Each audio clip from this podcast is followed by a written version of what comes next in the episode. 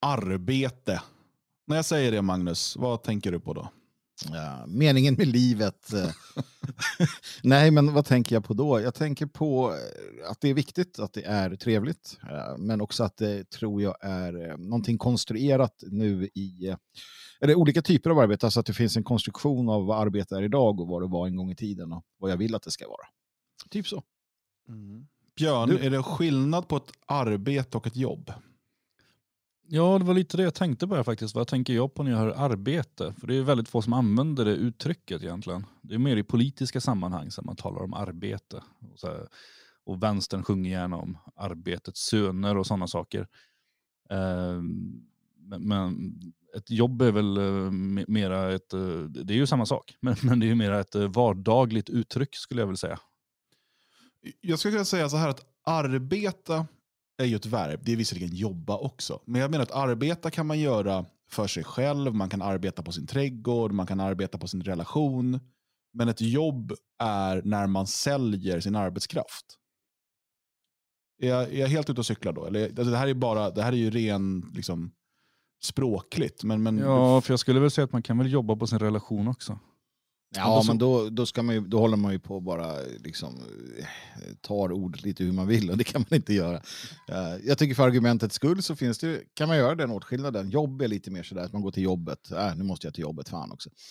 Medan arbete, nu ska jag arbeta i trädgården med, med eh, den och den. Um, d- syftet måste ju dock vara att arbetet ska vara jobbet och jobbet ska vara arbetet. Att, att, att man hamnar där i livet. Då arbetet kan ju vara, ja, för arbetet kan väl vara mer positivt laddat. Man säger ju att någonting är jobbigt, då är det ju i en negativ bemärkelse. Man säger ju sällan att någonting är arbetigt. Nej, det är väldigt, väldigt sällan. Man alltså, jobb, jobb har ju en mer negativ klang än vad arbete Mm. Ja, det, det har det. Absolut. Ja. Det här är då Språkpodden i P1. Och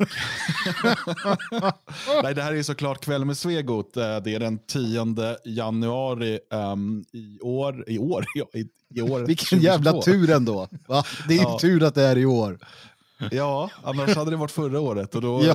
ja. hade vi varit lite efter och sådär. Ehm, jag heter Dan Eriksson och de två andra ni hörde här är Magnus Söderman och Björn Björkqvist. Vi ska nämligen snacka arbete och jobb idag.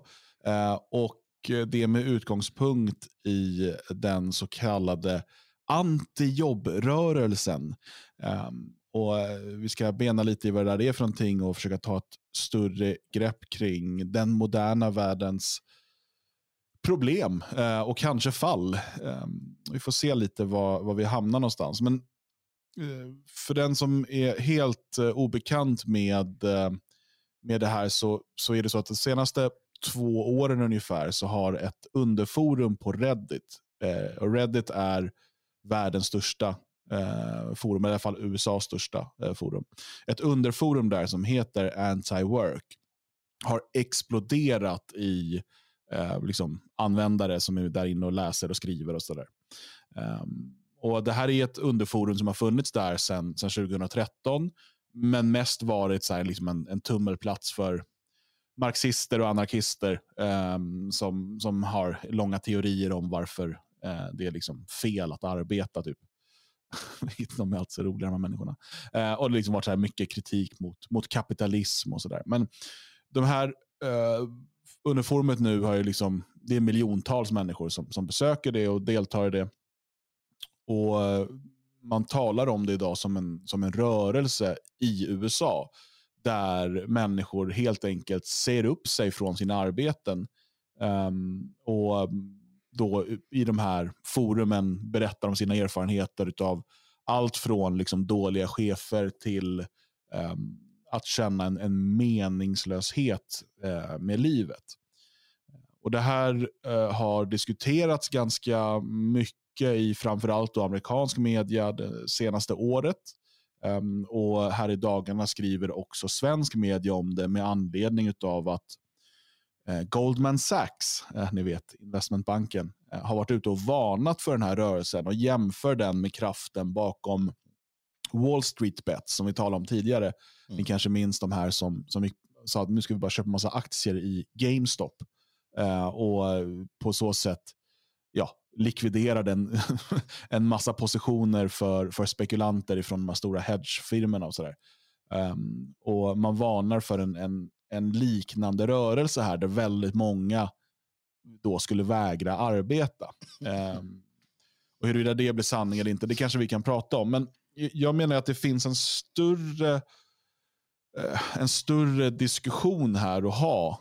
Um, för att och det, det, är självklart att mycket av det som diskuteras på det här forumet är ur ett amerikanskt perspektiv och amerikansk arbetsmarknad, amerikansk arbetsrätt och så vidare ser annorlunda ut än Sverige. Men dels påverkas vi kulturellt väldigt mycket av det som händer i USA och dels ser vi att det som sker i USA brukar förr eller senare också ske i Sverige um, och liksom komma till Europa i liksom svallvågorna efter det. Um, Magnus, hade du hört talas om den här rörelsen innan vi bestämde att vi skulle prata om den idag? Nej, eh, inte att den är liksom organiserad, inte organiserad, men att den, att den är så pass att den finns på det sättet. Ja, man har hört talas om människor som inte vill jobba. ja, så att säga. Men eh, nej, inte att det har blivit en grej. Jag tycker att det blir en grej av allting numera. Om du inte gillar mjölk så kan du göra en grej av det. Så blir det jättemånga som ideologiserar det här. Så att det känns som en sån där, eh, det känns som att allting ideologiseras, men det är väl en annan diskussion. Uh, sen tycker jag väl sådär någonstans att om Goldman Sachs tycker något är dåligt, då tycker jag det är bra uh, också. Varför jag då sympatiserar med det här ganska omgående. Men jag tror väl också att problemet för, för de, eh, de vänsterblivna som började med det här, det är att det kanske är att det har blivit ideologiserat utifrån någon modernistisk kontext. Det har blivit ett uppror mot den moderna världen, mot allt vad den innebär. Inte från deras så att säga, politiska håll, utan från ett, ett mer metapolitiskt kanske, eller metafysiskt till och med. Vilket gör att de inte gillar detta. Och det är därför Goldman Sachs helt plötsligt inte gillar det heller. För att jag tror inte att de här människorna vi pratar om, som, som du säger, slutar sina jobb. Det är inte det att de slutar och, och lever på bidrag eller blir kriminella. Det är väl att de slutar med den typen av uh, jobb som, som är det normala och har varit kanske sedan industrialiseringen i princip och gör annat. Och det är mm. där skon klämmer. Mm. Ja, Björn, var du bekant med det här? Eh, alltså känslan av att inte vilja jobba, den tror jag att de flesta är bekant med. Men, men att det fanns, att det här var en sån stor grej på nätet. Uh, nej, inte, inte på det sättet. Uh, finns det inte, pratade inte vi om det för massa år sedan i Tyskland? En massa unga människor som uh, valde att inte jobba och typ sitta och vara tiggare ute på gatorna istället. ja, men det är, som... ja, det är en lite mer, det är en mer subkulturell livsstil i sig. Um, här skulle jag nog säga att det är en, en till en början så marxistisk, anarkistisk, uh, liten rörelse eller liksom idédiskussion som nu i spåren av pandemin eh, har liksom exploderat. Eh, och när man scrollar igenom de här trådarna så, så finns det ganska stora existentiella frågor. Eh, och det, kommer vi väl komma in på en del. Eh, men om vi bara börjar då. Det här, eh, de som framförallt verkar vara engagerade i det här är um, alltså människor under 40, alltså millennials och generation Z ungefär. De brukar man prata om när det gäller det här. Um, alltså folk födda på 80 och 90-talet framförallt. Um, och man måste sätta det här lite i en kontext. Uh, och när vi pratar, och det här, det här är alltid så vanskligt när man ska prata om hela generationer. Vi har gjort det förut, till exempel när vi har pratat om baby boomer-generationen. Eh, och det är alltid någon som liksom känner sig, och det där stämmer inte in på mig. Nej, det är självklart, och det är inte så att alla millennials inte vill jobba. Utan vi pratar här om generella strömningar eh, och, och, tendenser inom eh, olika generationer. Eh, och då blir det självklart att liksom generalisera och så vidare. Jag tror att jag också räknas som millennial, eh, medan ni är väl då, eh, vad hette de, generation Y, var det så? Kan det nog ha varit. Jag, jag vet bara att jag, jag Nej, blev inte... Efter. Generation X är ni tror jag. Ja. Jag vet bara att jag, blev, jag var aldrig medveten om det här med generationer för jag började hålla på med men det här. Det är en sociologisk, liksom, ja. det, det är ett sätt att försöka klassificera och liksom förstå eh, större eh, rörelser och, och händelser i samhället. och sådär. Och det kan, det, alltså, Precis som att eh, det är nödvändigt eh, att prata om, liksom, jag menar, när vi pratar om invandrares överrepresentation i kriminalitet så inte alla invandrare. Nej, det ska man inte behöva säga varje gång. För Vi måste kunna prata om stora demografiska grupper för att försöka förstå tendenser och eh, liksom, hur saker och ting hänger ihop. Och Det är samma sak när man pratar om generationer. Men eh, det finns ju, eh, alltså det som millennials och, och, generation Z, då, alltså de som är födda på 80-90-talet har vuxit upp i, eh, i USA men också i, i Sverige, är ju en, en oerhört skuldtyngd och skuldbaserad ekonomi.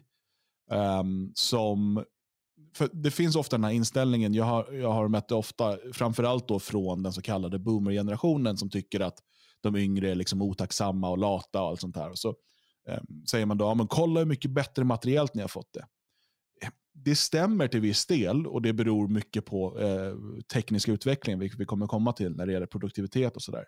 Men vi har också ärvt absurda skulder eh, och en, eh, liksom en bostadsmarknad eh, som är eh, i stort sett omöjlig att ta sig in i för, för väldigt, väldigt många. Eh, I, I Sverige, framförallt i storstäderna, eh, men liksom i USA ser man liknande saker. där det är väldigt, alltså, på grund av den här skuldtyngda och skuldburna ekonomin så har liksom priser skjutit i höjden och det har gjorts väldigt, väldigt svårt att liksom komma in i bostadsrättsmarknaden och så vidare. Det är bara att titta på eh, Stockholm som exempel, där du liksom behöver ha men i stort sett en miljon för att kunna lägga handpenning på en bostadsrätt. Eh, liksom, eller i alla fall en halv miljon.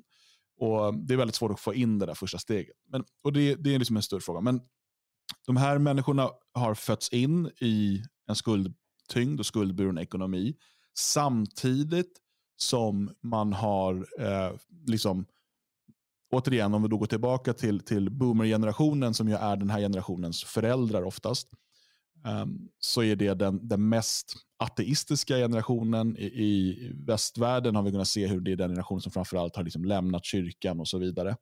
Um, och eh, Man har dessutom um, genom 68-vänstern och så vidare dekonstruerat nationen, familjen, alla de här naturliga identiteterna och sammanhörigheterna.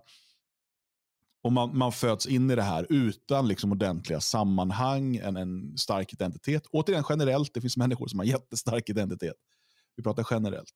Um, och där liksom manuella arbeten eh, har många gånger outsourcats till tredje världen. Den typen av liksom jobb finns inte, utan istället hamnar man i arbeten i tjänstesektorn. Eh, där många upplever en total meningslöshet med att gå till arbetet. Um, så att bara, bara, sätta det i den här kontexten för att förstå lite hur de här människorna, eller varför de här människorna reagerar som de gör. Eh, jag vet inte, är det en orättvis beskrivning av det samhälle som, som de här människorna föds in i? Nej, det är väl ett, eh, ett, eh, både korrekt och nästan underdrivet samhälle. Jag tror att, eller beskrivning. Jag, jag, tror att hopplösheten är långt mycket djupare än, man, än du kanske påpekar. När det kommer till, och det är västerlandet vi pratar om såklart. Indierna har väl alltid haft det lite elände kan de tycka så sett. Men att, att man i, i västvärlden inser, den nya, de generationer vi pratar om, att att de kommer inte ha det eh, lika bra som föräldragenerationen. Det blev man ju varse ganska tidigt. Allting kommer vara svårare. Visst, det materiella finns där. Du kan, du kan stänga in dig och spela tv-spel. Och många har ju valt den vägen. Många är ju där. Eh, men jag tror också att ju äldre du blir i den här generationen så kommer de känna att det där räcker ju inte såklart. Den materiella standarden är ju egentligen oväsentlig när det kommer till lycka och välbefinnande.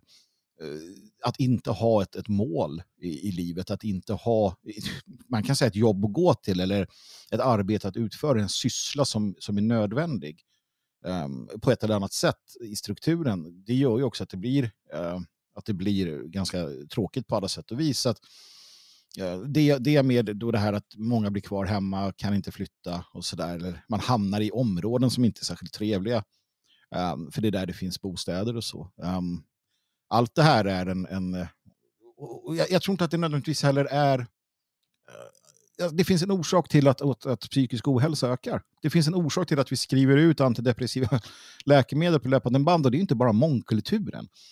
Ja, eh, eller så. Det, det, är ju hela, hela paketet där det här definitivt ingår med, med den arbetsmarknaden. Och och jag tror att det, det vi ser det här på Reddit-forumet är ett utslag för det. Och, och, ett försök att hitta en ny väg, att hitta en annan väg framåt. För att de här har växt upp och förstått att ingen kommer göra det åt dem, utan det är upp till dem själva att karva ut. Och det är helt rätt. Alltså, jag tycker inte synd om dem. Utan det är helt rätt att de karvar ut en egen väg. Uh, precis som vi alla måste göra i den värld vi lever i. För att de gamla staterna, välfärdstankarna och så vidare bryts samman. Det är en ny värld som, som uh, fortsätter att vakna. Liksom. Så att, nej, jag håller med dig. Mm.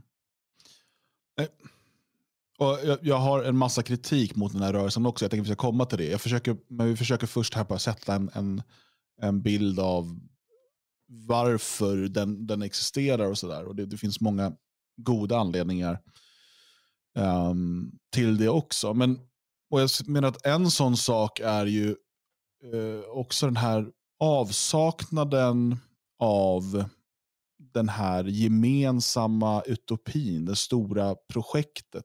Alltså jag, jag kan tänka mig, till och med för liksom, liksom efter andra världskriget och sådär, då skulle liksom, det skulle byggas upp igen. Och, eh, man hade, I USA hade man ju the American dream och sådär. Liksom. Eh, men, men det där har ju helt fallit bort. och jag, jag kan tänka mig att väldigt många idag, eh, eftersom man dessutom inte känner samhörighet med liksom, sina landsmän på, på samma sätt som man kunde göra tidigare i mer homogena eh, länder och, och områden. Um, att, att liksom det saknas den här, vad är det stora vi arbetar för? Vad är liksom, eh, det är inte för Gud, för honom tror vi inte på längre. Det är inte för liksom, vår ras eller för vår eh, kung eller för vår um, nation. eller sådär. Allt det där har vi liksom lämnat bakom oss. Um, utan du är en atomiserad individ. Så vad är det då? Vad är det stora vi arbetar för? Det är därför jag tror att vi också att människan skapar de här underliga eh, projekten med liksom genus och feminism och liksom för att ha något stort, liksom en utopi att arbeta efter. Det ska vara exakt lika för alla. Eh, spelar roll, det är det som är rättvisa och så ska man liksom arbeta mot det. Um, och så liksom tappar man bort sig någonstans, uh, någonstans där på vägen. För att något som är genomgående för den här kritiken då ifrån anti-jobbrörelsen, det är ju att man har för lite tid att göra det man tycker om. Man har för lite tid att um, förverkliga sig själv eh, eller att vara med sin familj. eller liksom, det finns, Beroende på vad man själv är då intresserad av. Och Sätter man det här, framförallt i en amerikansk kontext där liksom människor sällan jobbar 40 timmar utan betydligt mer i veckan. Eh, men det finns ju många exempel på det i Sverige också där folk liksom slänger ihop en massa olika timanställningar eh, för att liksom få saker att gå runt. Det är svårt att hitta ett, liksom ett, ett stadigt fast arbete som ja, framförallt som man trivs med kanske. Då. Um, och så istället jobbar man liksom några timmar här, några timmar där och, och är ständigt på jour. Och man kollar på undersköterskors situation till exempel. och sådär. Um, det kan nog vara lätt att liksom en, en känsla av meningslöshet. Alltså, vad är det jag går till arbetet för? Uh, varför? Jo, men jag tror också det handlar mycket om att, att, man, har, att man inte har något meningsfullt vid sidan om. Uh, för att det är ju så, antingen så jobbar man ju med någonting man brinner för, för att man brinner för det. Och sen naturligtvis för att få sin lön. Eller så jobbar man med någonting för att ha råd att ägna sig åt det man vill göra. Eh, det är ju de två alternativen som finns. Om man då jobbar och sen har ett helt meningslöst liv i övrigt, då blir det nog väldigt svårt att också se jobbet som meningsfullt och tänka att ja, men om jag släpper jobbet, då kommer jag hitta det stora, då kommer jag hitta det fantastiska. Jag tror för många är nog eh, chansen ganska liten att de kommer hitta det för att de inte har ett jobb heller, utan de kommer snarare få betydligt fler problem. Ja, men sen vad är det för, vad är det för, uh, vad tror folk? Det där är ju någonting som retar mig i alla fall. Bara var och varannan tror ju att de är ett jävla geni. Du är inte Beethoven. Du är inte ens duktig på det du tror att du är duktig på. Du är högst medioker. De flesta människor är högst mediokra på det mesta. Men nu har vi fått för oss att, att vi kan bli vad som helst. Och att, eh, jag menar, åh, jag, jag, det här, de sitter och skriver några jävla dagböcker och så ska jag, och jag ska bli författare, eller jag ska bli det, och jag ska bli det. Det började med det här att alla skulle jobba med media. De kan ju inte jobba med media, de är ju urusla på det. Så, så att även om jag på ena sidan sättet tycker att, att det finns en, en bärighet i det man gör, att man försöker hitta nya vägar, så måste ju människor också titta sig i spegeln och säga, nej men jag kanske ska gå och jobba och sen kan jag liksom göra det jag nu tycker är kul om jag tycker något är kul. Men, men att tro att, att alla är genier, att, att du är så jävla unik och därför ska du liksom kunna fladdra iväg och leva ditt liv och, och sådär. Ja, men du, du får väl försöka. Det är ju inte så.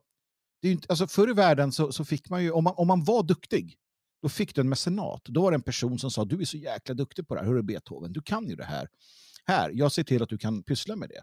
Men de flesta gjorde ju sina så att säga, jobb istället. Och de var ganska nöjda med det. Så att jag tror att, att, att inse sina begränsningar kan också vara en befrielse. Att ord, underställa sig det liksom, eh, på det sättet då ett, ett kollektivt behov av att du är skomakare eller jobbar i, i eh, matvarubutik eller eh, säljare eller vad det nu är för yrke. Att, att du hittar det där. Um, och, och sluta och så lägg de där jävla drömmarna på hyllan ett tag. Ja, absolut. Och det där, hela hur liksom den här, den här, de här generationerna vi talar om, mer än kanske någon annan, har den här känslan av att de är berättigade till saker bara genom att de är. Um, det är absolut en kritik, jag tror vi kommer komma tillbaka till den. Men det är också så här, men va varför ska de gå och arbeta?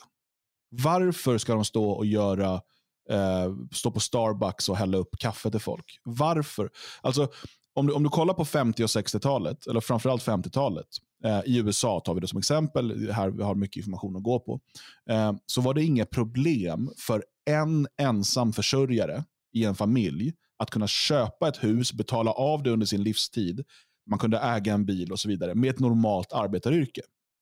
Eh, statistik här eh, visar till exempel att när, ehm, alltså just nu så är det då eh, färre än 34 procent, eller var 2016, eh, utav amerikaner under 35 som äger sitt hem. Medan eh, när boomers och generation X var 35 så var det ungefär hälften som gjorde det. Alltså allt färre. Och det, det beror inte på, eh, och det här har man kunnat se i så här, attityds och opinionsundersökningar och vad folk vill. Det är inte att de inte vill äga sina hem. Det är att de inte kan. Eh, så att du ska gå och jobba mycket längre tid innan du har råd att ens köpa ditt eget hem. Alltså, man måste förstå den men alltså, risken att människor känner en meningslöshet av att stå och servera kaffe på Starbucks uh, för att bara kunna liksom, eh, hanka sig fram för dagen. Dessutom eh, under väldigt ofta eh, dåliga arbetsförhållanden. Eh, man är ständigt utbytbar. Det är också någonting man, som folk återkommer till, att de känner sig eh, utbytbara. Återigen, här kan man vända kritik mot den här generationen, så att alla är snöflingor och tror att de är så speciella. Nej, det är du inte. Men man kan också förstå känslan av meningslöshet i att eh, om jag bara yppar ett ord av kritik mot de arbetsförhållandena så är det inget problem för chefen att sparka mig, för jag är så pass ersättningsbar. Ja, men, alltså, som, som nationalist med en, en social idé eh, som, som sträcker sig som som eminerar ut och sträcker sig genom hela samhället så, så är det helt klart, de har helt rätt. Det kapitalistiska utsugarsystemet som du ändå har, det måste ju liksom, med, med de här dåliga arbetsvillkoren och liknande, eh, det måste ju sopas undan det också, precis som välfärdssystemet och precis som socialismen måste sopas undan. Så hela, hela det här eländet, det är två sidor av samma mynt som förslavar den på olika sätt. Saken är ju den att, att du skulle kunna ha eh, för, för, att om du lägger in den här nationella värderingen i det hela, inte bara arbete. För det, som det är nu så är du en atomiserad individ i en kapitalistisk eller socialistisk, beroende på vart du bor, värld. Eh, där, där de högre värdena är borta, eh, där du har liksom den här materialismen som, som genomsyrar allting. Eh, det är klart att, att det inte är särskilt kul. Men, men om du hade varit, om du hade, sett att du lever i en värld där styresmännen, och det finns en styresman från början av, av 1900-talet, i Europa. Han sa att målet, hans mål, hans rörelses mål som han var en del av, det var att, att du skulle hellre ha den lägsta, det lägsta yrket, så att säga, om man nu värderar de olika. Jag vill hellre ha det lägsta yrket i min egen nation än att vara en, en, liksom, det högsta yrket i en annan nation. Det vill säga att du inser dig som en del av ett, ett folk, en, en, en, eh, en, en enhet. Och det gör att du hellre eh, av de skälen går till det lokala kaféet för att hålla bygden vid liv, för att hålla eh, det lokala företagandet vid liv, att hålla staden vid liv så att folket har någonstans att komma, att allting Eh, visst, det låter utopiskt, men faktum är att, att de krafterna finns ju också. Om du tittar på landsbygden där människor på många ställen vrider ut och in på sig för att de vill att det lokala kaféet ska överleva. Man går och äter där fast man inte har råd till och med. Alltså, att kunna väcka det på en, på en nationell skala vore ju fantastiskt. Det går inte i USA. USA är ett jävla konglomerat av stater och, och nationer. I nationerna, mångkulturen förstör allt det här. Eh, en nationalistisk statsbildning, eh, hur den än må, må se ut, kan eh, på olika sätt stimulera detta. Och då kan du vara nöjd med att gå och jobba för att du känner att det i sin tur är en del av någonting. Precis som i krigstiden när, när krigsinsatserna kräver att alla kommer samman. Det är klart att du kan fylka det hos massorna. Det, det, det är ju självklart, men det vill man ju inte. Mm. Men, men då, nu pratar du om en helt annan värld än den vi lever i. Oh ja. Oh ja. och liksom en vision för, för nationalismen. Men det är inte den värld som den här generationen som nu eh, liksom attraheras av den här antijobbrörelsen har vuxit upp i. Och jag skulle våga hävda, utan att ha någon statistik på det, att de flesta av dem nog bor i storstäder. Mm. Eh, och, och eh, Jag tror att det är väldigt få bönder som så här, på familjegården, så här, nu slutar jag jobba för det här känns meningslöst. eh, utan det här handlar ju, alltså, om man ska dra det liksom till några extrem, så här, människor som bor i små skokartonger eh, och eh, jobbar alldeles för många timmar bara för att råd att betala hyran för att bo i den där staden. Och då kan man absolut man kan vända på kritiken, men flytta från staden då, gör något annat. Men man måste se i vilken kultur och i vilket sammanhang eh, de här människorna växt upp i och hur de liksom har eh, förberetts för vuxenlivet. En, en sak som eh, jag tror också bidrar till det här, det, och det är också något som återkommer i de här trådarna, det är ju Eh, den här kulturen av att alla ska gå på högskola och universitet. Mm. Eh, och att du har fått lära dig att det är så, du måste ha den här utbildningen för då, det är då du kommer liksom få ett bra liv. Och den här, lite grann amerikanska drömmen. Liksom. Och då kommer du kunna köpa ditt hem. Och, det, och så går folk och lär sig egentligen helt meningslösa saker. Vi brukar alltid ta liksom genus som, ja, men som så här, the prime exempel. Men det finns många fler. Liksom eh, som, som liksom samhället inte har något behov av egentligen. Eh, och Sen går de en massa år på, på högskola och universitet. Um, I Sverige får man liksom oftast ta studielån och sådär för att liksom klara vardagen. Uh, I USA har du dessutom många gånger dyra uh, kursavgifter. Uh, så du sitter med, med, stora skulder efteråt. och Sen kommer du ut efter några år och märker att det här är ju helt, det är ingen som vill ha mig. Vad ska jag, liksom, det här är ju, och, och absolut, man skulle kunna hävda att eh, de här människorna, men varför läste du någon liksom helt onödig kurs? Du, nu står du där på Starbucks ändå. Eh, men det är också det som liksom, vuxenvärlden och samhället sa till dem när de gick i skolan, eh, när de gick i sjunde klass. Att det är det här du ska göra, för att det är då du kommer få eh, en bra framtid. Eh, många känner sig lurade eh, utav det samhälle de, de lovades. Um, återigen, vi kan vända på det och kalla dem för snöflingor, men vi kan också försöka förstå dem för att se var det här samhället gick snett någonstans. Men vi har ju en, en, som jag ser det, du är inne på någonting här. För att det är sällan en hantverkare, någon som jobbar med kroppen eller med händerna, känner det där efter en avslutad arbetsdag. Både, ja, vi alla tre har ju erfarenhet av flyttbranschen, Björn antagligen mest. Det kan ha varit tråkigt och jävligt. Men jag har flyttat massa gånger du... i och för sig. Ja. Men du visste ju att du var klar. Alltså när du hade gjort det så var det gjort. Och du kunde till, man känner tillfredsställelsen av att man har flyttat från punkt A till punkt B. Det är ju väldigt konkret också. Du ser ju ja. att du har gjort någonting. Och det är ju det hantverksyrken, att du rör på dig, att du gör, du snickrar, du bygger en vägg och så vidare. Det, det, det, är inte abstrakt alls. Däremot de här äh, yrkena som vi pratar om, oftast då i storstäderna, de är väldigt abstrakta. Du häller upp ändlösa muggar med Starbucks-kaffe. Ändlösa muggar. Kanske kan du överföra det till uh, den här typen av Alltså programmering och sånt där kan jag tänka mig att man kanske ser det här på samma sätt som i flyttbranschen eller snickarbranschen. Men jag, jag tror också att det kan vara något med de här serviceyrkena, den här serviceekonomin som, som ställer till det för oss på något sätt. Att du, att du inte, att du inte får den där, jag vet inte, att du inte får den där äh, känslan av att när dagen är slut så har du liksom gjort ett dagsverke. Jag, jag, vet inte, men jag får för mig att det kan finnas någonting där också när det kommer till, till detta. Sen, sen är ju det ett stort svek som du är inne på, menar jag. Det är att uh, det är få personer som är på riktigt intellektuella. Um, och, och, och, som duger för det uh, i, en, i, i, ett samhälle. Men alla i den här socialdemokratiska drömmen då, ska ju då ta del av högskola och allting. Och, och, och de klarar ju inte av det, det ser man ju vad som presteras. Vi, vi såg ju hur eh, eh, eh, den här Arvid dök upp i, på Twitter va?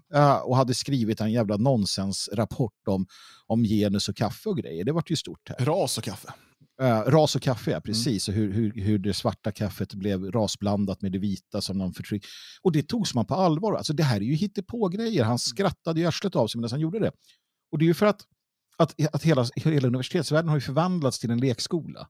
Där eh, de här riktigt intellektuella, de finns inte längre. Vi kommer inte ha några sådana. Det kommer bli en så extremt fördummad värld. Eller vi kommer gå tillbaka till att de är liksom autodidakter allihopa.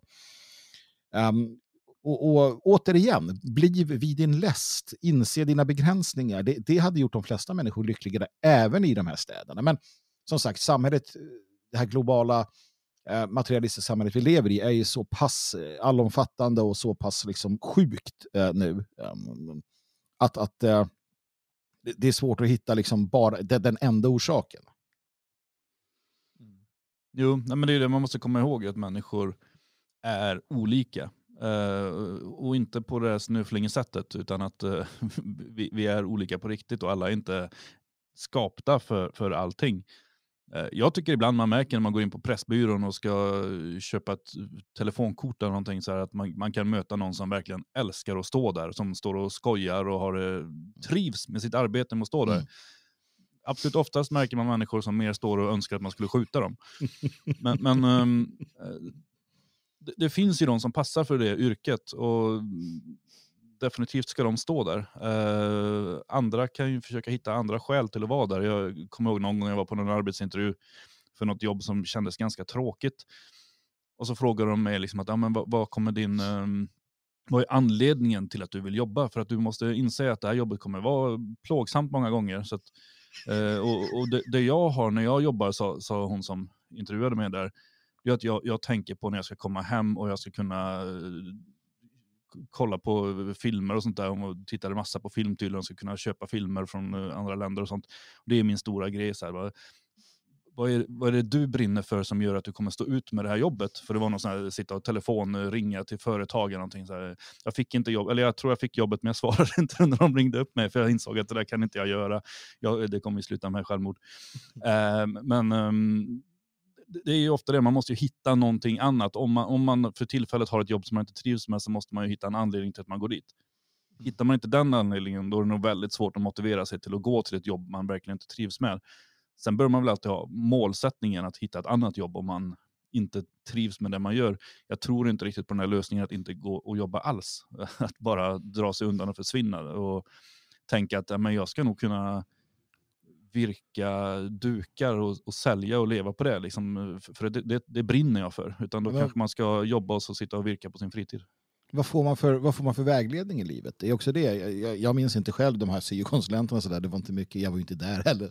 Men jag tänker, det som jag säger, säger till min grabb, det är så här att, ja, men, vad fan, äh, ägna de första åren av livet här när du kommer ut att, att liksom komma igång. Jag, jag såg till exempel att man i äh, Norrland, i gruvan där, Eh, 22-23-åringar som tjänar 40 000 i månaden på att köra, gräv, köra maskiner eller vad de pysslar där uppe med. Alltså det är en enorm ekonomi som växer. Men sitter gruvan i tio år, jag sa det, du åk upp, börja jobba där, tjäna pengar, stoppa undan, skaffa en F-skatt, spara. Alltså, vad får man för vägledning? Vi har ju pratat om det tidigare idag, att så här, det, först, det man borde få när man är 18 det är en F-skattsedel här. Eh, och, och liksom vägledning och, och, och så. Att, och kunna se där, okej, okay, du kanske gör de här Starbucks-jobben nu eller det för att, tjäna, för att spara ihop de här pengarna, göra det och det och det. Och sen eh, planera livet. Det är inte så jävla kul när man är 18-19 och höra det här. Men eh, om man inte alls får höra att den möjligheten finns, då kommer ju liksom inte alls komma in där. Eh, utan jag tror verkligen att, att man behöver pusha unga eh, till att känna det här att, att liksom jobba och så, men gå din egen väg också. Uh, det vore ju en, en lösning kanske. Man hör ju nästan alltid bara tvärtom, så, eller så där, fr från uh, människor som det har gått ganska bra för som berättar att ja, jag var hos uh, syokonsulenten och han sa att du kommer aldrig bli någonting. Eller min lärare sa att du kommer aldrig bli något. Sen kanske inte de har sagt så, men de har tolkat det sådär. De kanske snarare har sagt att ja, men, sänk målen. Du mm. kanske inte ska bli uh, Sveriges mest sålda författare utan du kanske ska servera kaffe. Mm. Ehm, men det, det där tolken, tolkar nog ofta folk som de vill. Jag såg en sverigedemokratisk politiker faktiskt som skrev det där att uh, ja, min lärare sa att uh, du, du, uh, du, du, skri, du, uttrycker dig så dåligt i, i både skrift och mm. tal att du, du, ska nog inte, ja, du kommer inte komma så långt. Och titta på mig nu, skrev han i ett felstavat inlägg. Mm. Så, så, det är klart att hittar man politiken då kan man komma ganska långt och ändå vara oduglig. Titta på mig nu, jag bevisar att demokratin är usel. Men det finns ju också en annan, jag måste bara ta det, för att vi säger alltid servera kaffe. Ja, och då kanske vi har någon lyssnare som gör just det. Uh, man måste också se så här, det finns ju en skillnad där. Starbucks, den här multinationella kedjan, där du står och häller upp latte hela dagarna. Uh, jag tror inte de själva tycker det är så, så inspirerande. Men sen har du ju uh, kaféägaren som, som så att säga brinner för att, att göra en, en fantastisk upplevelse till till sina kunder. Eh, det är också det löpande band mot eh, det här genuina på något sätt. Jag menar, eh, helt plötsligt så att, att vara en, en som har ett café och du liksom håller på, då är du ju helt plötsligt en egen företagare. Du är en människa som kan förvandla det här till liksom någonting jättemagnifikt för dina kunder och bli en knutpunkt i ett samhälle. Tänk om man kunde liksom förklara det för människor? Att det inte bara är att surpa, alltså allt, allt är ju också en språngbräda till någonting annat. Alltså det, om man vill ja. Jag menar, ja, jo, om man vill. Jag menar, det, det, det är ju inte liksom dåligt att ha ett eh, arbete som kanske inte är överbetalt om man säger. Utan, eh, jag menar, det är ju väldigt många som börjar, när de, alltså under skoltiden, börjar stå på McDonalds. Mm. Slitsamt jobb, dåliga chefer, mycket sånt. Men det är också någonting som kan vara ganska bra att komma ut på arbetsmarknaden. Men sen att jag har stått ut här och gjort det här. Visa upp att jag klarar av det här och jag har goda meriter och gå vidare. Eh, eller stanna kvar om man känner för det. Jag menar, ta flyttbranschen, det är inget uh, välbetalt underbart arbete på, på många sätt. Jag trivdes jättebra, jag tyckte det var suveränt. Jag gick dit, jag hade och så hörde man ofta om folk som pratade om att ah, men fan, ska vi starta eget, ska vi göra så här? Så man, nej, jag, jag vill ju vara anställd för att kunna använda min fritid. Jag vill inte komma hem och tänka på mitt jobb. Jag vill komma hem och tänka på andra saker, göra andra saker, arbeta med det jag brann för. Uh, och sen så gå tillbaka till jobbet, vara där mina timmar och göra det jag skulle. Uh, det var ju suveränt för, för mig. Jag ville inte avancera, jag ville ju gå kvar på den nivån. Mm. Sen slutade jag. Jag tror vi är inne på flera viktiga saker här. Det här med de här stora multinationella själlösa företagen och just där du känner dig så himla utbytbar. Och du har liksom ingen kontakt med, med cheferna. Kanske liksom franchisetagaren där du jobbar, men, men det är typ det. Um, och du känner inte den där relationen till, till företaget. Om man då jämför det, tog vi Café som exempel här, men med att antingen driva sitt eget eller jobba. Vi har ju i Hova det här lilla konditoriet mm, um, mm. och bageriet där. Um, jag menar att, att jobba där och att ha sina, uh, vara en, en naturlig del av eh, utav samhällets liksom, träffpunkt och servera kaffe och bre mackor och, och, och sådär. Det är en helt annan sak. Eh, återigen, jag ser det här själlösa stå på Manhattan på någon jävla Starbucks. Och du vet. Mm. Jag, alltså, McDonalds var mitt första jobb också. Mm. Eh, och, det var, och det var på Sergelgatan i Stockholm. Det var Sveriges, den som sålde mest, restaurangen som sålde mest i Sverige just då. Mm. det är så Sergelgatan är det, den som går då från Sergels torg till Hötorget. Den här mittemot Punktshop, om ni minns. Ja, ja. Eh, riktigt mycket folk hela tiden. Um, det, det, det, var ju värdelöst på många sätt. Samtidigt en, en, erfarenhet som jag är glad att jag har. Uh, för att det jag sa då var att jag kommer aldrig mer klaga på ett jobb efter det här. uh, men men jag, jag nämnde det här med Pressbyrån och man kan möta någon som, som tycker om sitt jobb. och Det är visserligen en stor kedja och sådär. Uh, men jag tror att en skillnad finns här. Och Nu ska jag väl uh, ge Sverige lite beröm. Då. Mm. Och det är ju, om du jämför med många andra länder, inklusive USA, att du kan arbeta på Pressbyrån i Sverige eller sitta i kassan på ICA och leva ett ganska bra liv. Mm. Alltså, eh, det, det, man ser från, från USA där folk jobbar på liksom tre olika snabbmatskedjor för att få ihop timmarna, jobbar 14-15 timmar om dagen, men ändå knappt liksom får ihop pusslet ekonomiskt. Eh, för att det är så uselt betalt och eh, så dyra eh, levnadskostnader eh, i, i de här städerna. Eh, det, alltså det nöter ner människor och gör dem till eh, gör dem liksom förbannade. Jag, när vi flyttade till Sverige eh, så min, min, min fru då, som är tysk, hon, hon fick inte jobb inom sjukvården som hon utbildade i för att hennes, ja, hon behövde läsa några extra kurser för att hennes utbildning skulle gälla även i Sverige. Eh, så hon tog istället ett jobb på den lokala ICA, en sån här liten ICA-butik eh, i, i, i grannbyn. Um, och var helt eh, chockad över hur mycket betalt hon fick. Mm. För att hon, alltså, men det här kan man ju liksom, du kan ju sitta, för att sitta i kassan i Tyskland, det är liksom, det, får du inte jobb någon annanstans så sitter du där. Eh, och då, det är liksom knappt, alltså det, det, det, det är snäppet över på socialbidrag verkligen. Mm. Medan du kan arbeta på ICA med liksom instegslön på en heltid på 22, 23, 24, 25 000 beroende på var i Sverige du bor. Liksom och sådär. Eh, om du jobbar heltid. Visst, det är lite kvällar, det är lite helger och sådär. Men, men på de pengarna så kan du liksom leva ett okej liv. Och, menar, jag har många bekanta och vänner och sådär som gör den typen av jobb men ändå på något sätt har råd att åka utomlands en gång om året. och sådär. Um, och det, Där skulle jag säga att situationen i USA inte riktigt är samma. Um, och, och, därför så ser jag också uh, att stå eh, på Pressbyrån till exempel, om du dessutom gillar att liksom serva människor och sådär, så tror jag man kan vara mycket mer tillfreds med det. Uh, eftersom att du ändå får en skälig lön att leva på. Och här, när, när man då läser de här trådarna så inser man ju också att det finns ju, alltså det, det är ju en vänsterslagsida här verkligen. Och, och många då uppmanar, okay, men hur, hur ska vi liksom lösa det här? Ja, vi måste engagera oss fackligt, vi måste eh, liksom strejka. Och till viss del är ju den här antijobbgrejen en typ av strejk. Att inte gå med på de här förhållandena. Och Det kan vara svårt eh, att översätta det direkt till Sverige idag. Men, eh, men, men den stora eh, liksom metadelen av det här är ju fortfarande samma. Alltså känslan av meningslöshet som, som, som, många, eh, som många upplever. Men, okay, men så här, om människor då inte vill jobba, väldigt många inte vill jobba, vad, vad har de då tänkt sig att göra istället? För det är lite det man kommer till. Men vad är alternativet då? För att i slutändan måste du ju betala för hyra och mat och Eh, nöjen och sådär. Om du vill hålla på och måla hela dagarna så måste du betala för färg och staffli och vad som nu behövs.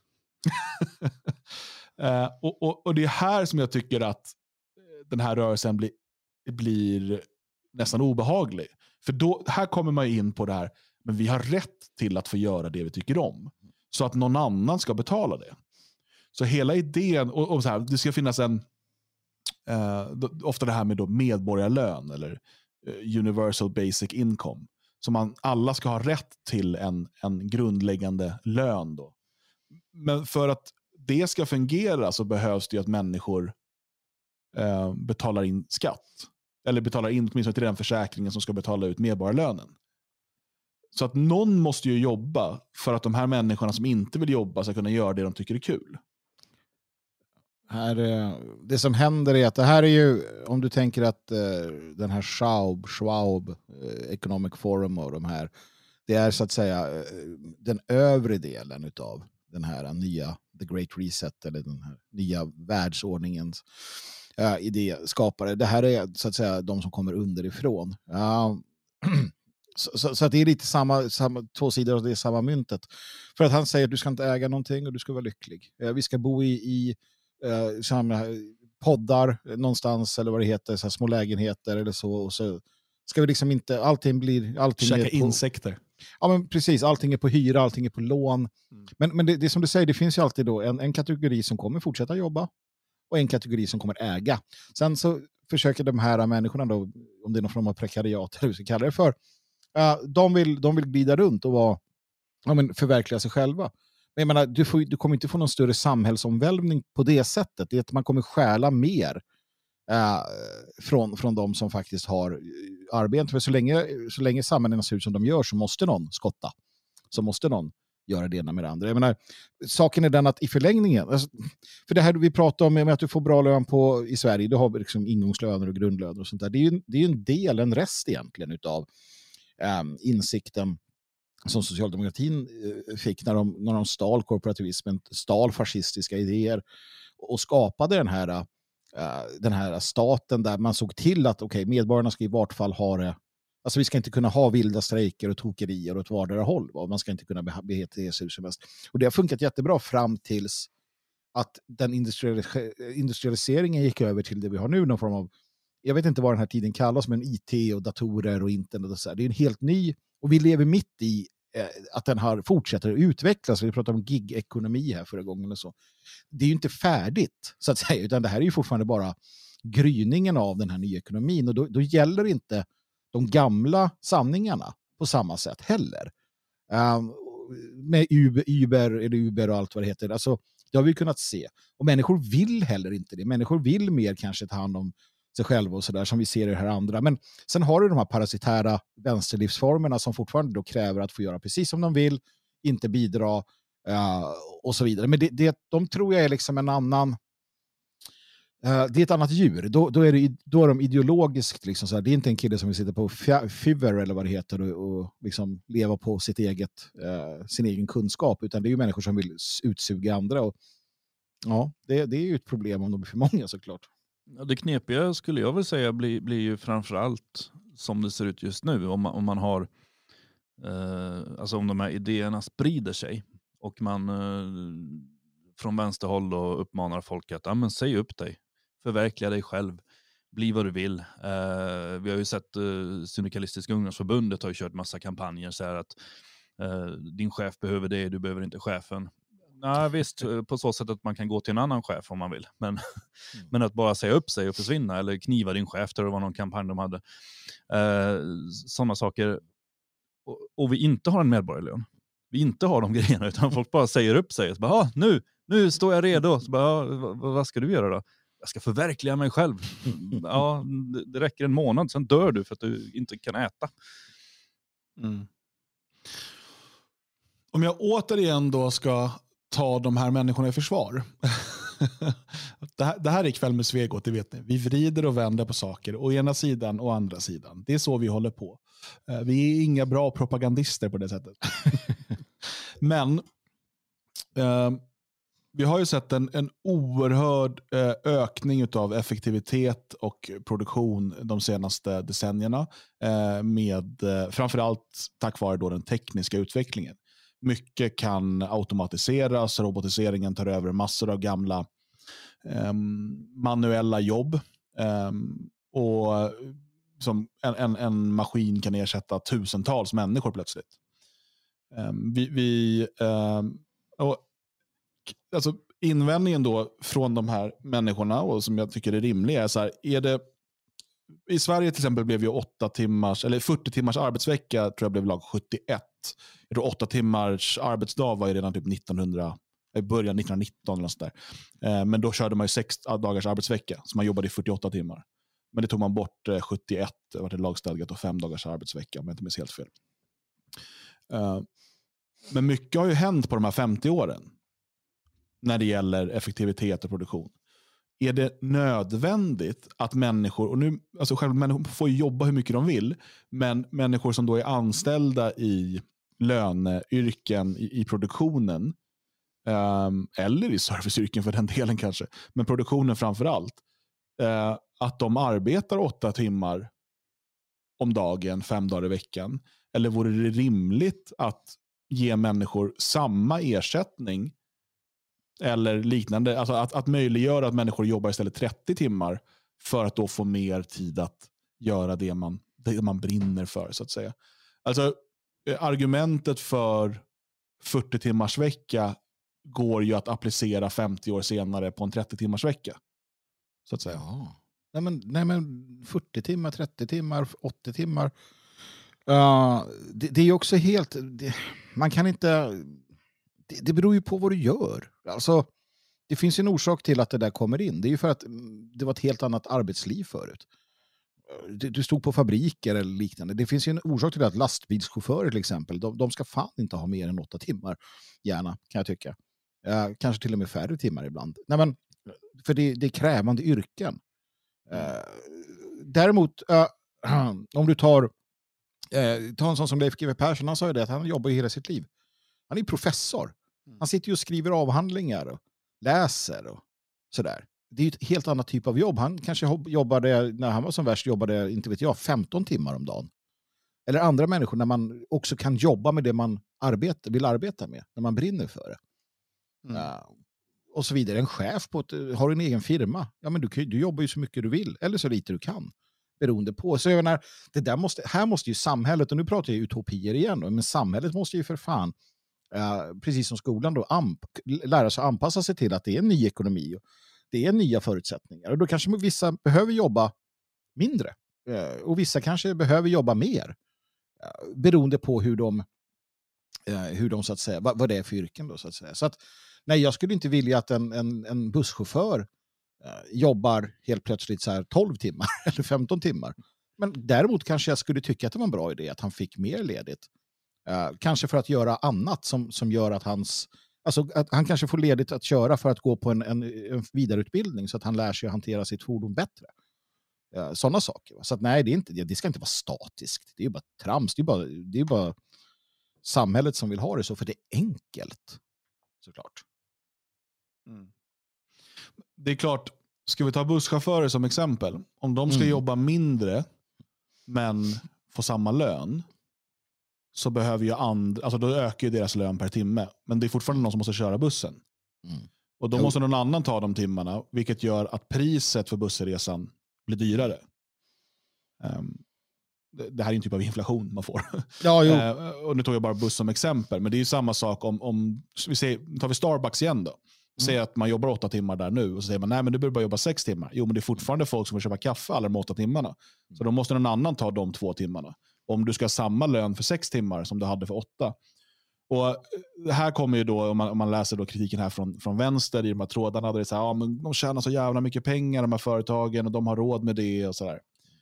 Um, och det finns nog tillfällen då det stämmer. Um, absolut. Men då måste man, alltså, här blir det stämmer det också... ju definitivt inte i alla fall i alla fall. Nej, det är nej, mängder precis. av småföretagare som också får bli tvungna att låta deras ja, flyttgubbar som, som det vanliga exemplet. uh, vi utgår från våra egna erfarenheter, det är väl, ja. det är rimligt. Men jag menar, en, en liten flyttfirma med fem gubbar eller någonting så här, som, som plötsligt ska gå hem två timmar tidigare varje dag uh, i den mån det är möjligt. I annat fall få en massa mm, extra betalt för att de är kvar. blir ju såklart betydligt dyrare för kunden. Mm. Allting blir ju dyrare för kunden så jag menar, det, det, blir ju, plötsligt så har man ju ändå gått runt och man har ändå lika mycket pengar som man hade haft om man jobbade sex timmar för att allting blir dyrare. Ja, men det funkar ju inte så. Alltså, det funkar ju inte. För det var ju som när, när eh, Nancy Pelosi eller vem det var sa det att Elon Musk kan betala ingen skatt och så. Och Elon Musk kan i princip betala av stat, vissa staters hela eh, liksom, lån, om vi säger det. Han kan betala av Sveriges lån, säger vi. Ja, men det betyder ju inte att Sveriges... Alltså, allting hänger ihop på ett sjukt sätt. Eh, om, om, om de här företagen då, som har jättemycket, de tjänar flera miljarder, om de slutar tjäna de där miljarderna och så pumpar de ut dem i samhället, det är ju inte så att det kommer bli någon förändring. Uh, hur mycket sa FN att, ja, men fattig, hur, hur mycket kostar det att avskaffa fattigdomen? Ja, men det kostar så här mycket. Ja, man kan, kan ge dem pengarna. Kommer FN avskaffa fattigdomen? Nej, för det är en massa um, det är en ja, massa... Man avskaffar heller inte fattigdom genom att kasta pengar på fattiga. Nej men, nej, men precis, men, det, det, hänger ju ihop saker och ting. Så det här att, ja, men titta på de stora företagen, de tjänar jättemycket och delar ut till sig själva.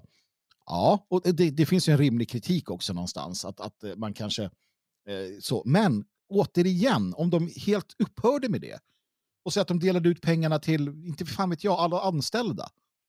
Eh, liksom, hur ska det fungera? Det, är det, alltså, det som behövs är ju en Eh, alltså systemen är på plats, de ser ut som de gör. Uh, och, och, det är därför det till sist som blir en breaking point, någonting händer, man testar någonting nytt. Det är ju så sam utvecklingen har varit, man går från olika ekonomier. Vi har haft en, en jordbruksnation som blev en industrination som nu blir gud vet vad och det gäller västvärlden generellt sett. Vi får se vart det hamnar någonstans. Liksom. Men jag kan berätta hur, hur det där ska lösas, enligt Ja. de här människorna. Då, då. Återigen, Ja. jag pratar utifrån deras perspektiv. Eh, och det är kommunism. Alltså, Såklart. jo, men alltså, det är ju då socialisering av företagen. Mm. Ehm, eh, och eh, att man då kontrollerar så att eh, om vinsten då går in i det gemensamma så att det sen kan delas ut som eh, medborgarlön. Så att all vinst som, som företagen producerar delas upp över befolkningen genom den här medborgarlönen. Problemet, ja det finns massor av problem med det här, men, men ett av problemen är att det här med planekonomi, för det är vad det blir då, eh, det har vi provat förr. Eh, Vi har provat det, alltså Sverige, och eh, även eh, Sovjetunionen eh, hade, hade ett ga- ganska långt experiment på det där. Och man, Mm. man fortsätter i många, en del andra länder med det också. Och Vi vet att det inte är någon superbra lösning. Alltså marknader generellt sett är ganska bra instrument för att mäta eh, utbud och efterfrågan och liksom vad behövs produceras och så vidare. Sen kan det här manipuleras på en massa olika sätt och det kan liksom bli skeva fördelningar och, eh, och sådär. Eh, Så att det finns liksom inget problemfritt eh, system heller. Eh, Men det är ju lite där, jag försökte att sätta mig in i vad de här människorna presenterar för lösningar, för det var lite det jag nästan blev mest intresserad av. För jag förstår känslan av meningslöshet. Jag förstår eh, liksom, eh, frustrationen över att jobba eh, mer än halva dagen och ändå liksom känna att man inte riktigt har råd och, och liksom, ja, betala det som behövs betalas. och sådär. Och Jag förstår människors vilja att känna en större mening med saker. Allt det här. Men okej, men vad, vad presenterar man då för alternativ? Och det är just det. det är, man presenterar egentligen samma alternativ som Klaus Schwab. Mm. Man presenterar samma alternativ som World Economic Forum. Varför ska folk hålla på att äga saker? Eh, kan vi inte bara dela på allting och så, så liksom lånar man det man behöver? Ungefär, nu överdriver jag, men liksom det är där man hamnar. Ehm, Ja, men frågan är ju också där någonstans då, kommer det bli mer motiverande att gå till eh, Starbucks och jobba om det är staten som äger det? Klock var ju världens bästa arbetsgivare. Men det är där det fallerar. Alltså kanske initialt att det, att det blir att, jag menar, man prövar ju det i olika nationer. När, när staten går in för att rycka upp ekonomin i Tyskland gjorde man byggde autobahn, man byggde det ena med det tredje med det fjärde. Uh, sen vet man inte hur det har gått för det blev ett stort krig också så att det kan ju sluta hur som helst, det har vi ingen aning om. Men, men visst, initialt så skulle ju en sån där omfördelnings eller en sån där sak kanske leda till eh, ja, men nyhetsbehag och alla har jobb och alla har liksom så. Men, men det dröjer ju inte länge förrän det där havererar. Och- Och det blir jävligt eländigt och det kan man ju se, det vet vi ju. Så det där är ju, det är ju bara dumheter. Men andra vägen, alltså det, och det är åt, nu, nu är vi ju verkligen vid kok, koka nere. Eh, eh, liksom marxism, kommunism, socialism. Det är ena sidan. Det andra är ju det man har prövat i USA också. Det vill säga att du, du har tre, fyra jobb och du kan inte Eh, leva på dem. Du har den här osäkerheten och så vidare. Som, som liberaler, eh, marknadsliberaler och andra vill införa. I, i, man vill ju ha det i Sverige, Centerpartiet och liknande. Det är därför de pumpar in den här eh, massinvandringen bland annat för att få den typen av arbetskraft som de ska kunna utnyttja. Sen finns det en tredje väg, en tredje position. Det är bara så. Och det är vi. Eh, nationalismen eller vad du vill, tredje positionismen som ser en, eh, ser en möjlighet att, att de här två delarna har sanningar i sig som går att så att säga sammanfoga. Sossarna har varit inne på det i Sverige. Eh, faktiskt, man får ge dem det. Eh, Ja, och när det gäller den ekonomiska biten, ja. Ja, Eh, precis. Ja, ja. Och, och jag menar att den kanske här till viss del överskuggas av den, jag skulle nästan kalla det metafysiska, alltså den, den, den kulturella biten. ehm, Där, eh, för mig är det här, det vi ser är en, en, en produkt av en, en eh, degenererad, um, själlös kultur. Mm. Ehm, och, och människor som, som för någonstans när jag läser mellan raderna på de här människorna så söker de, vad är meningen med det jag håller på med? Det är liksom, Mm. det, det, grunden är den frågan de ställer sig.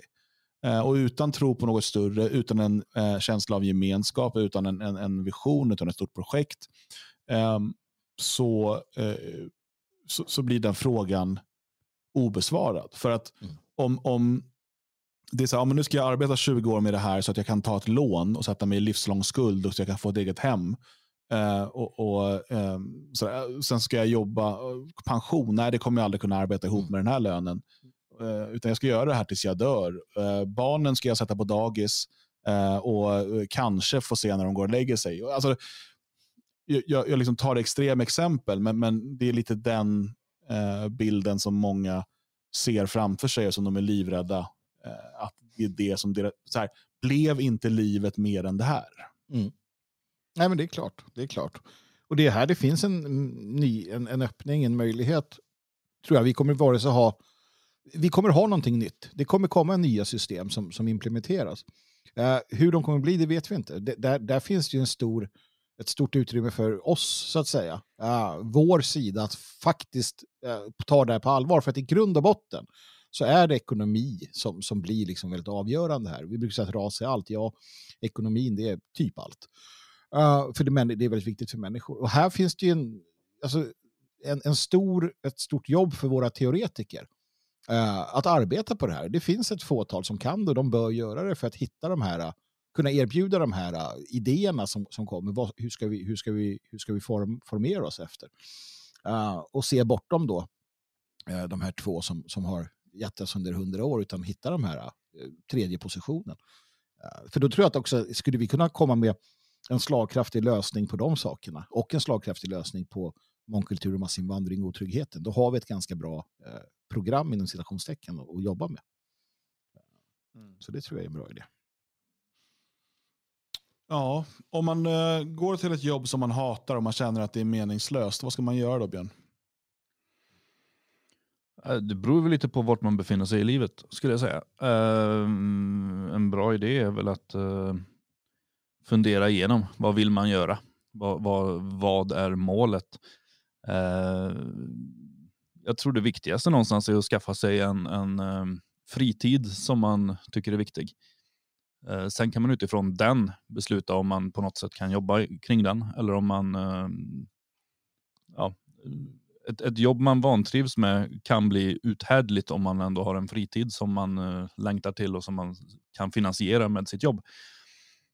Eh, men sen jag menar, är man ganska ung så är det väl bara att se till att mm, komma fram till vad man vill och så utbilda sig till det i så fall. Eller byta jobb. Mm.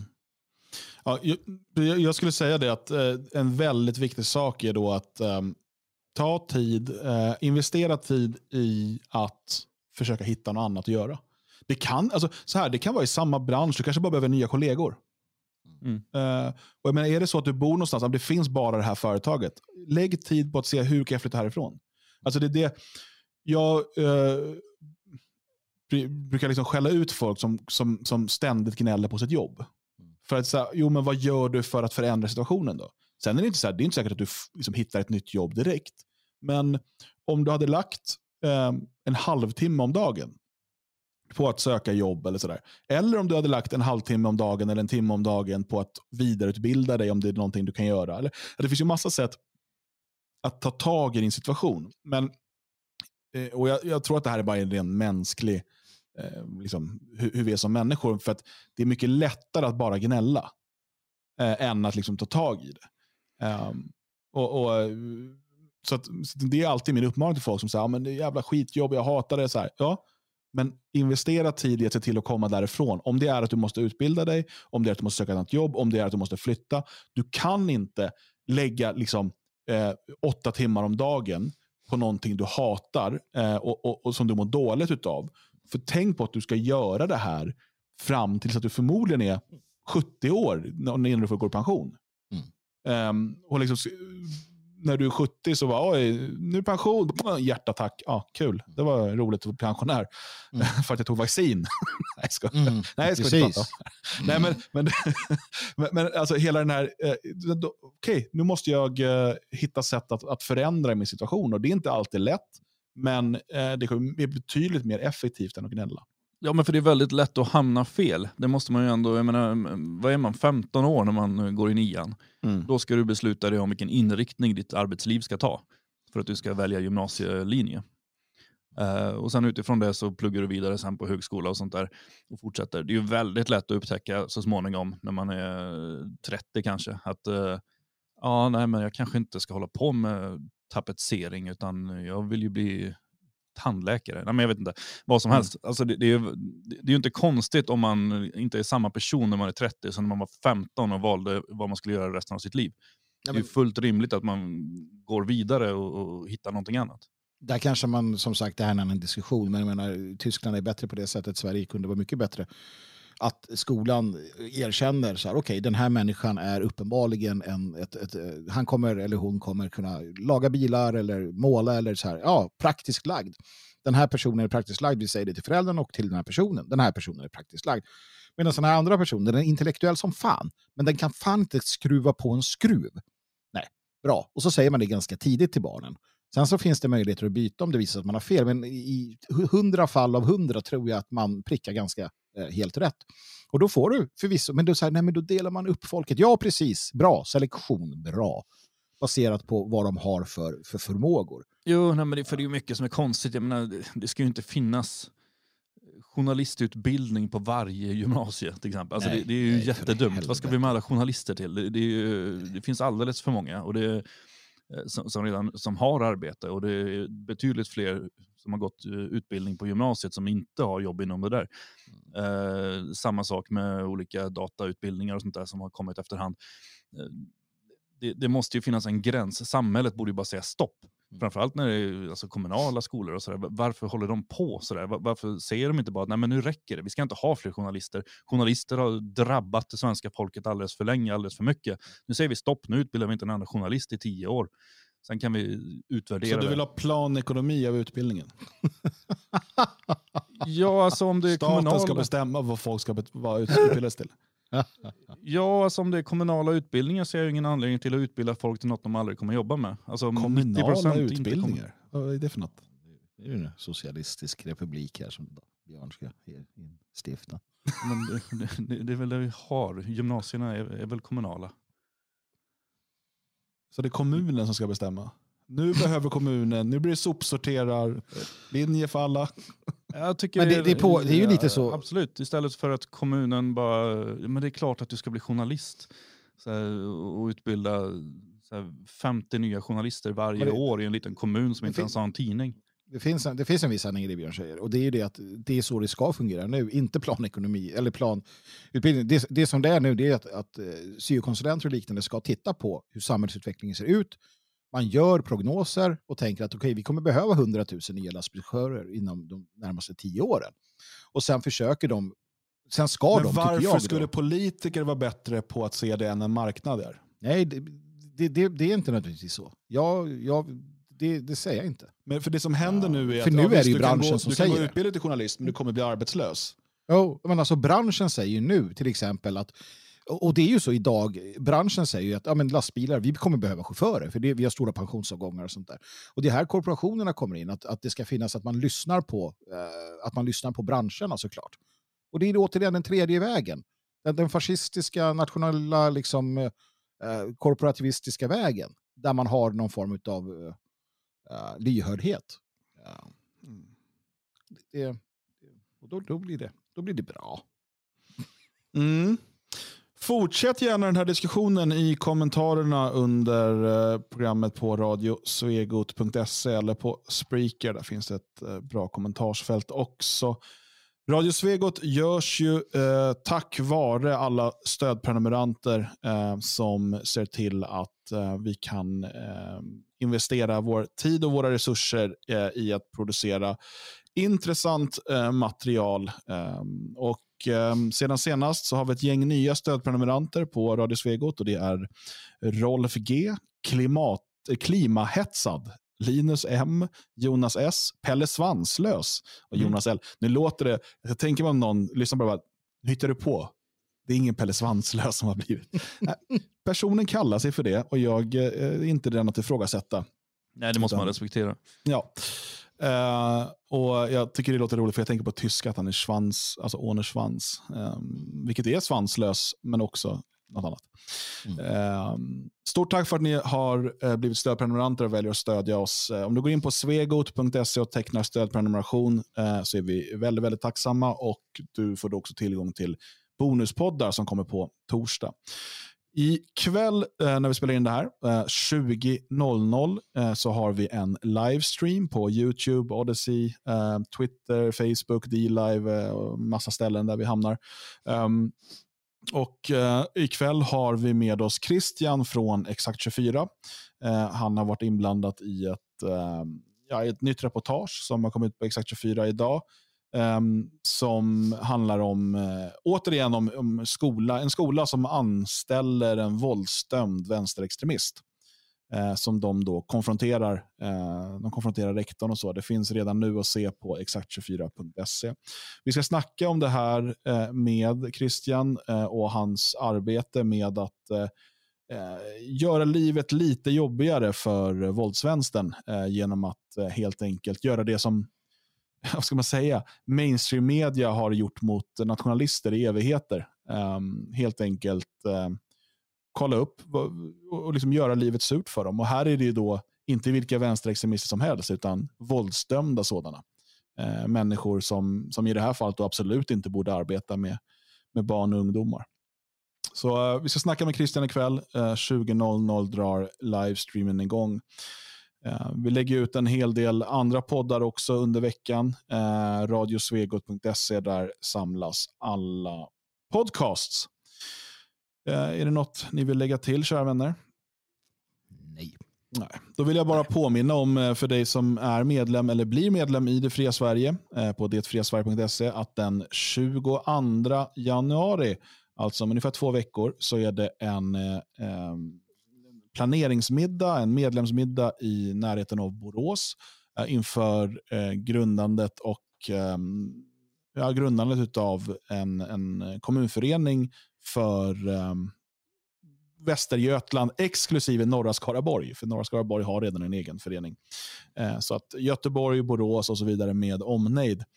Eh, se till att anmäla dig dit på friasvenskar.se och eh, delta där för att vara med i den här uppstarten och kunna vara med och påverka. Magnus, du tänker ju vara där och se till att människor håller sig i schack. Ja, precis. Det är min primära uppgift på plats. Jag ska också kunna bidra med lite tankar och idéer och förklara, tänker jag, hur föreningen arbetar och vad vi eh, syftar till. Mm. Som behöver lite uppsträckning där. Härligt. Eh, så in och anmäl dig på friasvenskar.se. Men vi hörs redan ikväll på livestreamen. Tills dess, ha det riktigt bra och eh, hej.